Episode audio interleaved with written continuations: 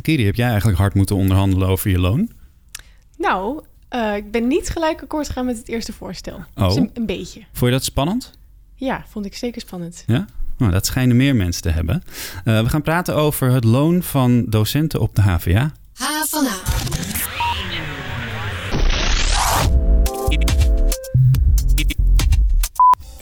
Fijn dat je luistert naar onze podcast. Elke week praten we door over nieuws en verhalen hier op de Hogeschool van Amsterdam. Mijn naam is Daniel Rommens, nog steeds. En uh, bij mij in de studio zit Kiri Stuy. Hallo Kiri. Hallo, ook nog steeds. Terug van vakantie.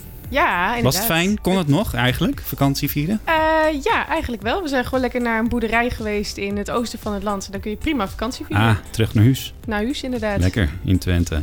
Uh, we gaan het dus hebben over het salaris van HVA-docenten. Want wil je voor de klas op deze hogeschool, dan willen ze dat je een masterdiploma hebt. Prima, maar daar moet dan wel een bepaald salaris tegenover staan, vinden de vakbonden. En dus werd er in de nieuwe CAO, dat is de collectieve arbeidsovereenkomst voor het HBO, opgenomen dat alle functies waarvoor een mastergraad vereist is, in elk geval met loonschaal 11 moet worden beloond. En vandaag publiceerde de Algemene Onderwijsbond een artikel waaruit blijkt dat 125 docenten van de HVA wel zo'n mastergraad hebben, maar niet in schaal 11 uitbetaald krijgen. Waarom is dat? Waarom is dat niet, moet ik eigenlijk zeggen? En wat gaat de HVA daaraan doen? Dat uh, bespreken we met twee gasten. Aan de ene lijn is Kees Endhoven, uh, dat is de HR-directeur van de HVA. En aan de andere kant, uh, aan de andere lijn moet ik zeggen, is Rolf van der Ploeg. En hij is sectorbestuurder HBO van die Algemene Onderwijsbond. Rolf, even bij jou beginnen. Voor mensen die geen flauw idee hebben wat die loonschalen precies zijn, kun je dat in een notendop uitleggen? In de CO hebben we afgesproken dat je wordt ingeschaald in een loonschaal. Dat betekent, daar staat een beginsalaris tegenover en daar staat een eindsalaris tegenover. In het mm -hmm. concrete geval staat je over uh, salarissen, een maximum salaris in schaal 10 van 4.300 euro en in schaal 11 van een dikke 5.000 euro. Dus daar dat... zit een fors verschil tussen. En dat is dan bruto, hè? Dat zijn bruto bedragen en dat zijn de maximumbedragen die ja. je ervoor hebt. Ja, en Kees, waarom wil de HVA eigenlijk alleen maar docenten met een mastergraad? Nou ja, dat is een oude afspraak die we uh, proberen uh, in te vullen. Um, ik weet niet precies vanuit welk jaar het was, maar in ieder geval zoveel mogelijk uh, docenten die, die moeten een master hebben als ze bij ons aan het HBO les willen geven. Um, dat is op het moment afgesproken dat we ook docenten in dienst hadden zonder master. Dus ook die hebben die master kunnen halen. Niet allemaal, maar wel een flink aantal. Maar is dat dan omdat ze dan beter les kunnen geven? Ja, dus om de kwaliteit van het, uh, van het HBO te verhogen. Dat is een oude afspraak. Okay. En daar is uh, genoeg over te discussiëren, maar daar gaan we het uh, vandaag niet over hebben. Voordat we überhaupt verder praten, ik vergeet bijna, Kiri, mijn standaard vraag aan het begin van de podcast te stellen. Wat is jou verder opgevallen deze week op de HVA?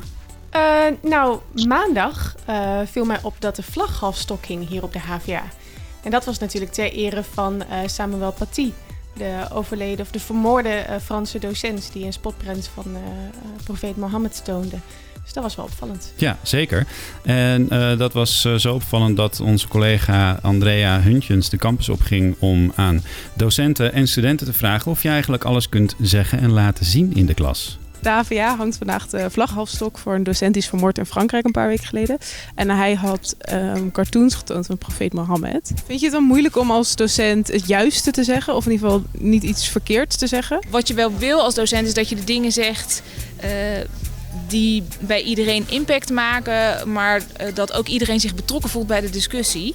En dat, ja, daarvoor bereid ik wel een les voor. Dat ik denk, hé, hey, wie komen er? Uh, vanuit welke invalshoeken denken mensen na over zo'n vraagstuk? Vinden jullie dat een klaslokaal niet juist een plek zou moeten zijn... waar je alles zou mogen zeggen wat je wil? Ja, je, ben, je bent daar vrij in, zeg maar, om dat te doen. Nee, ik ben het daar niet mee eens. Ik vind dat er wel een grens, een duidelijke grens moet zijn... van wat je wel en niet laat zien. Het moet wel respectvol blijven en iedereen moet zich natuurlijk wel... Um, begrepen voelen. In die cartoons, er is al vaker naar voren gekomen dat dat kwetsend is. Dus vind ik niet dat je dat zou moeten laten zien. Ik vind dat een docent alles moet kunnen zeggen, maar dat hij er wel over na moet denken. Ik denk dat hij uh, op het gebied van religie, dat hij wel zijn mening soms voor zich moet houden. Omdat hij, ja, hij kan soms dingen zeggen dat uh, andere mensen kan kwetsen. Vind je dat er nog een verschil is in uh, wat een docent in de klas mag zeggen en wat een student in de klas mag zeggen? Mm, nee, ik denk dat daar niet echt een verschil in moet zijn. Iedereen moet zich juist kunnen uitspreken in een les.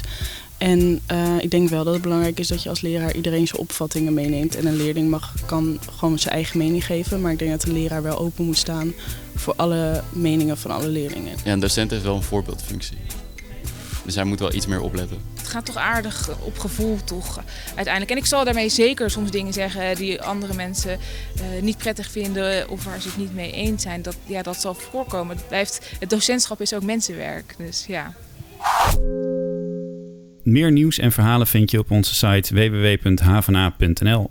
Wij zijn altijd op zoek naar verhalen van HVA'ers, dus heb je een leuke tip? Mail ons dan op hvna.hva.nl of stuur ons een berichtje op sociale media. Je hoort de studenten van de HVA hier. Als jij door de security heen moet komen, waar zou je je drugs verstoppen? Uh, hoezo wil je zo graag horen? Ik ben bang als ik dat ga zeggen, dat, dat ze dan echt een rechtszaak tegen me aanspannen. Ja, oh, echt letterlijk. Welk meisje waagt zich nou in de wereld van lege pizzadoos en Playstation-avonden met energy drinks? ja, nou, nou wij. Wil je niets missen van het nieuws en de verhalen van de campus? Schrijf je dan in voor de nieuwsbrief op havana.nl. Dit voorjaar sloten de bonden en de hogescholen een nieuw CAO-akkoord... waarin natuurlijk de standaardafspraken over loonsverhoging staan. Uh, hoeveel was dat ook alweer? Rolf, hoeveel was dat ook alweer? God, je overvalt me met die vraag. uh, Net een briefje weggelegd. 2, nog iets procent. De, de, achter de komma weet ik niet meer. Uh, maar één zinnetje viel wel echt op. En dat was: iedere docent met een mastergraad moet in schaal 11 uitbetaald krijgen. En vandaag bleek uit een verhaal in het ledentijdschrift van de Algemene Onderwijsbond dat dat dus voor maar liefst 125 docenten op de HVA nog niet helemaal geldt. Uh, nieuwe docenten met een mastergraad die krijgen wel gelijk schaal 11, maar mensen die al langer in dienst zijn en een mastergraad in de tussentijd hebben gehaald, die blijven soms hangen in schaal 10.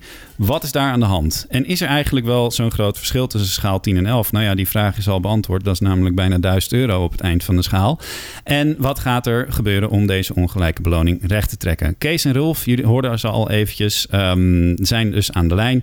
Rolf, jij zat aan de onderhandelingstafel van die nieuwe CAO. Hoe belangrijk was dit punt voor jullie als vakbond? Wij hadden hem eigenlijk nog wat steviger ingezet. En dat alle masterdocenten automatisch in schaal 11 uh, eh, zouden komen. Dus ook de zittende mensen.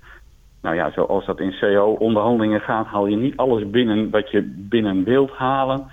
Maar uiteindelijk zijn wij tevreden met wat we binnen hebben gehaald. Dat op het moment dat er advertenties gezet worden waarin schaal 11 wordt, uh, waarin een master wordt gevraagd, er ook een functie moet worden aangeboden op dat niveau. En ook betaald moet worden op dat niveau. Ja, want we, zagen op allerlei plekken dat er prachtige vacatureteksten kwamen. Met, met wervende teksten over dat men onderwijs moest ontwikkelen. Maar, en dat je absoluut een master moest hebben. Maar als je dan dieper naar de functie ging kijken en naar de functiebeschrijving ging inhouden, kijken, dan was het een HBO-functie. Waar het accent voornamelijk op lesgeven zat. En waar er slechts een bijdrage werd gevraagd aan de onderwijsontwikkeling. En waar mensen dus niet verantwoordelijk waren voor de onderwijsontwikkeling. Ja. En heb je het dan ook over de Hogeschool van Amsterdam? Dan heb je het ook over de Hogeschool van Amsterdam. Ja. Werkt het eigenlijk overal zo dat mensen met een masterdiploma minimaal een bepaalde loonschaal moeten krijgen? Nou, dat werkt niet overal zo, maar wij hebben met elkaar in de, eh, afgesproken dat in het HBO functies gewaardeerd worden of volgens de hees-systematiek of volgens FUA-HBO. In Amsterdam is dat FUA-HBO en daarin zegt de systematiek heel helder dat als er een academisch niveau gevraagd wordt, schaal 10 niet van toepassing is. Ja. Um, dus het systeem wat we met elkaar hebben afgesproken van functiewaardering maakt dat op het moment dat je op academisch niveau moet opereren, je in schaal 11 terechtkomt. Misschien wel goed om even een onderscheid te maken. Wat, uh, wat is nou het verschil tussen een HBO-docent en een docent met een masterdiploma? Wat doet die meer dan de HBO-docent? Nou, een, een HBO-opgeleide docent geeft les en, en uh, levert een bijdrage aan onderwijsontwikkeling, zoals het dan zo mooi in de functiebeschrijving staat. Terwijl een uh, masterdocent, hè, op het moment dat daar een masterniveau wordt gevraagd, in de functieomschrijving staat dat hij onderwijs ontwikkelt. Dus niet slechts een bijdrage levert, maar het ook daadwerkelijk zelf doet en ook daar verantwoordelijk voor ja. Kees, uh, de docenten op de hogeschool worden sinds een tijdje allemaal docent-onderzoeker genoemd. Ja. Uh, heeft dat iets te maken met uh, het takenpakket? Zoals het ontwikkelen ja. van onderwijs? Jazeker, dus dat hoort daarbij. En dat zal bij de een wat meer zijn dan bij de ander. Maar we hebben uh, eigenlijk alleen nog maar de functie docent-onderzoeker. Ja, en uh, herken jij dan wat uh, Roelf zegt? Dat er een hoop docenten zijn die gewoon lesgeven... en helemaal niet dat echt aan die ontwikkeling van het onderwijs meewerken? Of dat... ja, die, ja, die zijn er ook nog. Even één klein detail. Wij, Rolf noemde net het uh, functiebedieningssysteem. Wij worden volgens HE uh, ingeschaald. Het zegt mij allebei niks trouwens. Nee. Kunnen jullie uitleggen wat het verschil is? Laten we het er verder niet over hebben, maar dat, is even, dat, dat klopt er niet in Roefs uh, verhaal, maar de systematiek is hetzelfde. Oké, ja. Hey, jij zegt, uh, want ik heb jou al eerder even voor het artikel gesproken dat ik vanochtend schreef. Uh, ik ben het eens met de vakbond. Ja. Uh, namelijk mensen die werk in schaal 11 doen, die moeten, voor, die moeten ook in schaal 11 worden uitbetaald. Maar jij koppelt ja. het heel nadrukkelijk aan het werk dat mensen doen en niet aan het diploma. Jij zegt zelfs dat het een denkfout van de bonden is om zo principieel loonschaal en diploma aan elkaar te koppelen. Ja, omdat ik vind dat je loonschaal moet koppelen aan uh, opleidingsniveau en de functieinhoud. Ja. Uh, en dat moet ik wel met elkaar kloppen. Oké, okay, aan allebei dus? Allebei. Ja, het, het, het, is niet zo dat als ik met een masterdiploma bij Albert Heijn achter de kassa ga zitten, dat ik dan in schaal 11 kom. Het gaat uiteindelijk ook om de functieinhoud. Die hoort natuurlijk wel vervolgens bij een master opgeleid niveau. Dus de, de beschrijving, de functie uh, en de functieschaal moet dan bij elkaar passen. En dan ben ik het helemaal overigens met de bonden eens. Als dat een masterniveau is en de functie is op, op masterniveau, dus met ontwikkeltaken, dan vind ik ook dat een elfschaal een terechte beloning is. En Rolf, ben jij het andersom dan met Kees namens de HVA eens? Ja, alleen waarom we het op hebben geschreven is dat Albert Heijn niet massaal adverteerde met cashier gevraagd met masterdiploma. Nee, maar om even... En, en, dat, gebeurde in, en, en dat gebeurde in het hbo wel. Ja. Er werd massaal geadverteerd met een master is een vereiste en vervolgens werd die functie niet aangeboden. Ja. En aan die praktijk hebben we een eind willen maken. Maar tegelijkertijd, Rolf, lees ik dat uh, jij hebt geconstateerd uh, na, na het doorspitten van een hoop vacatures, dat die eis er helemaal niet zo helder staat. Dat het een pre is nee. of dat ze het fijn vinden als je een master hebt gedaan. Kijk, wat, wat dat betreft zijn HBO-instellingen net echte bedrijven op het moment dat er een nieuwe regel komt waarom, waarbij oud gedrag dus niet meer kan, probeert men de grenzen op te zoeken van de nieuwe regel. En dus na de nieuwe CAO kwamen er allerlei prachtige teksten voor als um, een master is een pre, um, verdient aanbeveling en verzin nog eens wat. Ja. En, de, en dat was eigenlijk allemaal bedoeld tot, voor ontwijking van, de, van het nieuwe artikel master vragen is master functie aanbieden, is master salaris betalen. Ja, dus Kees, jullie houden het uh, bewust vaag, uh, hoor ik zeggen, uh, in de vacatureteksten. Nou, we hebben in het begin wel even gestoeid met hoe gaan we, hier, hoe gaan we hiermee om. Dus ik denk dat Roef een aantal advertenties van ons gezien zou kunnen hebben ergens in de zomer, waarin dat nog staat, stond. Dat doen we nu niet meer.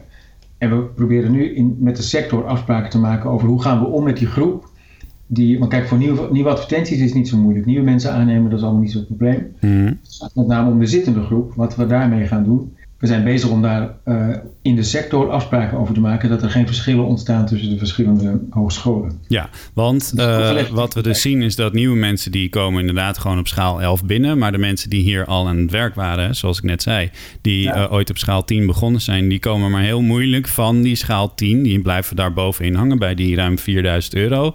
Uh, maar die willen wel eens een keertje uh, kans maken op die 1000 euro extra.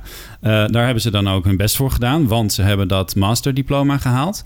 Maar dan blijkt dat ze niet de taken krijgen die daarbij horen. En daardoor dus nog steeds in die schaal 10 blijven hangen. Wat, wat, wat vind je daar dan van, Kees? Ja, voor mij gaat dat nog steeds om het feitelijke werk dat je uitvoert.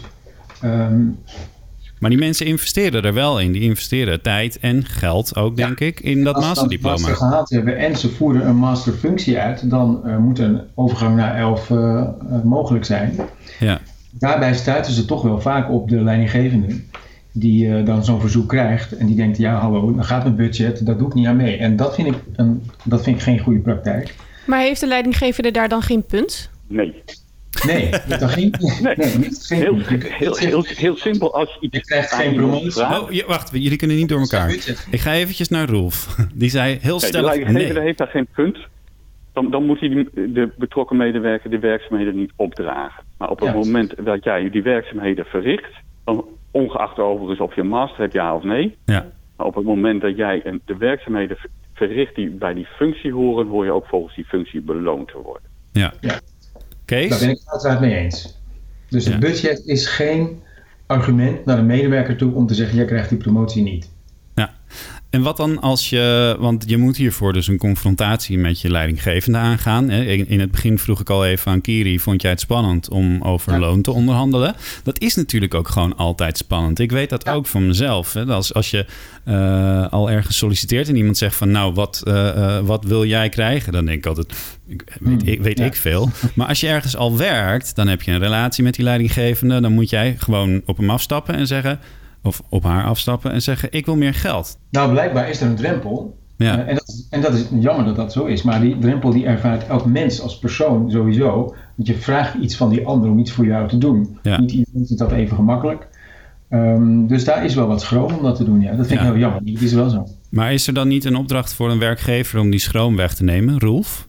Ik denk dat die, die opdracht er ligt voor de werkgever. Zeker nu daar rondom de beginners toch ehm, een duidelijke afspraak gemaakt is. In het interview geeft Kees ook wel aan dat de HVA daar nadrukkelijk wil kijken naar de zittende groep. En ik denk dat het ook verstandig is naar die zittende groep te kijken. Je ziet dat die groep zich wel langzaam aan het organiseren is om collectief te vragen om die functie te herwaarderen. Maar het zou prachtig zijn als de werkgever daar proactief in optreedt en zegt van goh, het lijkt mij toch verstandig om eens naar die functies te kijken. Ja. Zoals het eigenlijk in heel veel bedrijven ook gebruikelijk is om om de vijf tot tien jaar eens even goed te kijken naar voldoen de functies nog wel, hè, de werkzaamheden van de mensen nog wel aan de functies, functiebeschrijvingen zoals wij die hebben.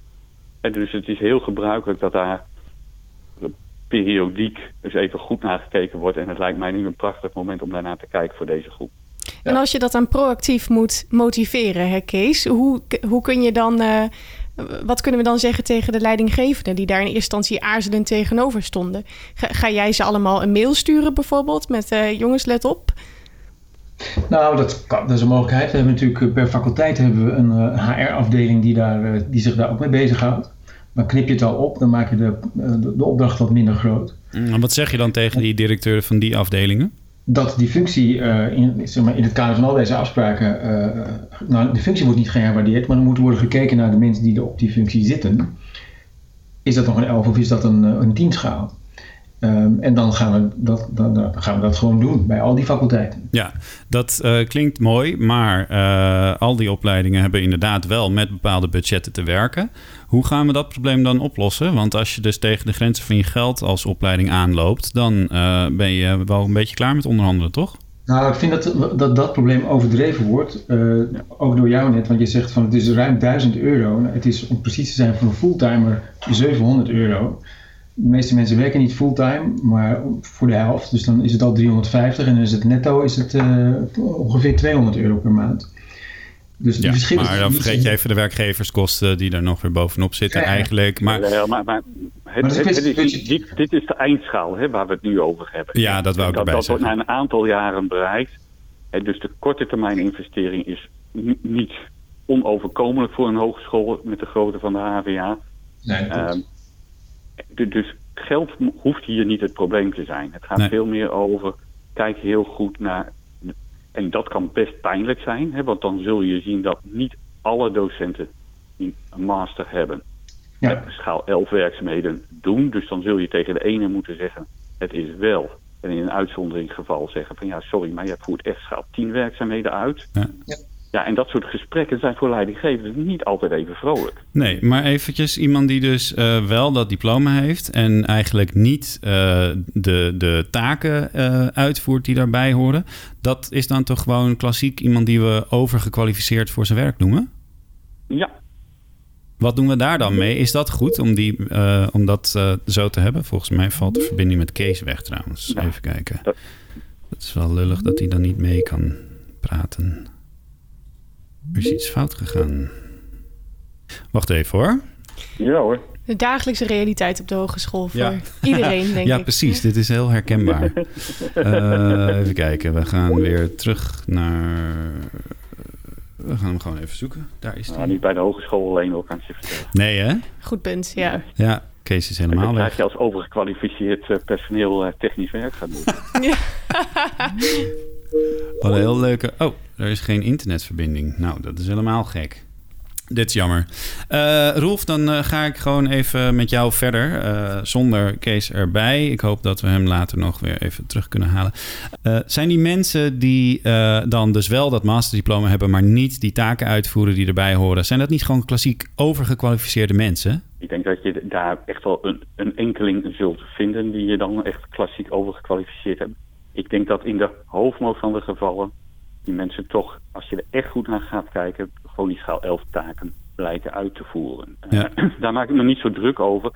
Kijk, en soms, sommige mensen zijn overgekwalificeerd heel gelukkig in een functie en functioneren ook perfect in een functie. Dus ehm, om daar nou per se te zeggen dat moet anders, eh, vind ik ook weer een brug te ver. Ja, Ehm, nu zou ik aan Kees vragen. Kees, wat gaat de HVA doen om eh, iets eh, eh, dus, te doen voor die 125 docenten? Hoe ziet de oplossing die je wil bieden eruit?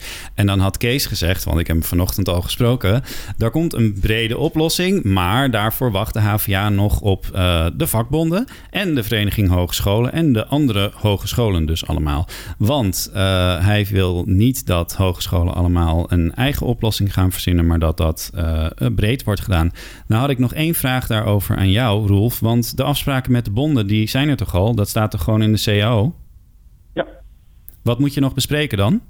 Nou, ik, ik hoef ook niks te bespreken. Wat, wat we hebben afgesproken is dat we wel een, een kennissessie doen tussen de CO-partijen en alle ho- hogescholen om daarmee ehm, de bedoeling van deze afspraak heel duidelijk te, te maken. En daar zal dit punt van Kees ongetwijfeld een plek krijgen. Wat doe je met zittende mensen? Maar voor eigenlijk hebben we de oplossing gewoon helder in. Hadden we in de CO opgeschreven en hebben we in de CO opgeschreven. Namelijk dat alle functies gewaardeerd moeten worden volgens het systeem.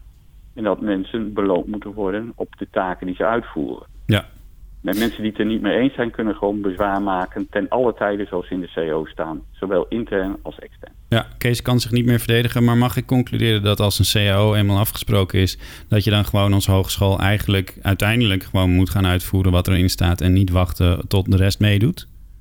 Dat, dat klopt. Het is, gewoon, eh, het is gewoon regelgeving die je moet uitvoeren. Volgens mij zei Kees ook nog wel dat hij aan het eh, eh, einde van dit jaar verwacht ook al die loonschalen Ja. nog een keer te bekijken. hè? En te Zeker. kijken wie er dus dan over kan. Ja. Ik ga je en- even voor Kees spelen nu. maar- Nee, en ik moet zeggen dat ik dat punt in het interview van Kees ook echt positief vind. Eh, Ja. je, je ziet dat hij met de HVA zeker hoog in de organisatie, dan moet het nog beneden in de organisatie landen. En dat wil nog wel eens verschillend zijn bij de, bij de hoges, in de hogescholen. Eh, maar in ieder geval boven in de organisatie zie ik wel bereidheid om hier echt serieus mee aan de slag te gaan. En dat is echt positief. Ja. Roelf, dank voor dit gesprek. Graag Kees, eh, zeg ik, nou ja, in de lucht. Ook bedankt. Het was echt een klassieke corona-podcast, Kiri. Met slechte verbindingen en spatschermen tussen ons. Maar die kenden we al natuurlijk. Ehm, ik wil jou ook heel erg bedanken dat je de gevaarlijke overtocht door corona Amsterdam weer naar de studio hebt gemaakt. Eh, moeten wij nog praten over loon voor volgend jaar? Ja, ga jij maar even klaarzitten. Oké, nou, kom maar op. Zeg het maar. Wat wil je hebben? Duizend euro meer. Uh, nee, daar uh, heb ik geen budget voor. Goed. Vind je dit een leuke podcast? Geef ons dan een beoordeling op iTunes of Spotify. En heb je een opmerking of een tip, mail ons dan op havana.hva.nl. En uh, ja, stuur ons een berichtje. Slide in onze DM, zeggen we dan. Uh, volgende week zijn wij er weer met een nieuwe podcast. En verder houden we je natuurlijk dagelijks op de hoogte van alle verhalen over jouw opleiding. En dat doen we op Instagram, Facebook, Twitter en LinkedIn. Kort, duidelijk en snel. En alle verhalen, video's en podcasts kun je uitgebreid lezen en bekijken eh, en beluisteren op onze website havana.nl. Bedankt voor het luisteren en tot de volgende. Geen enkele podcast meer missen? Check dan Havana in je favoriete podcast-app.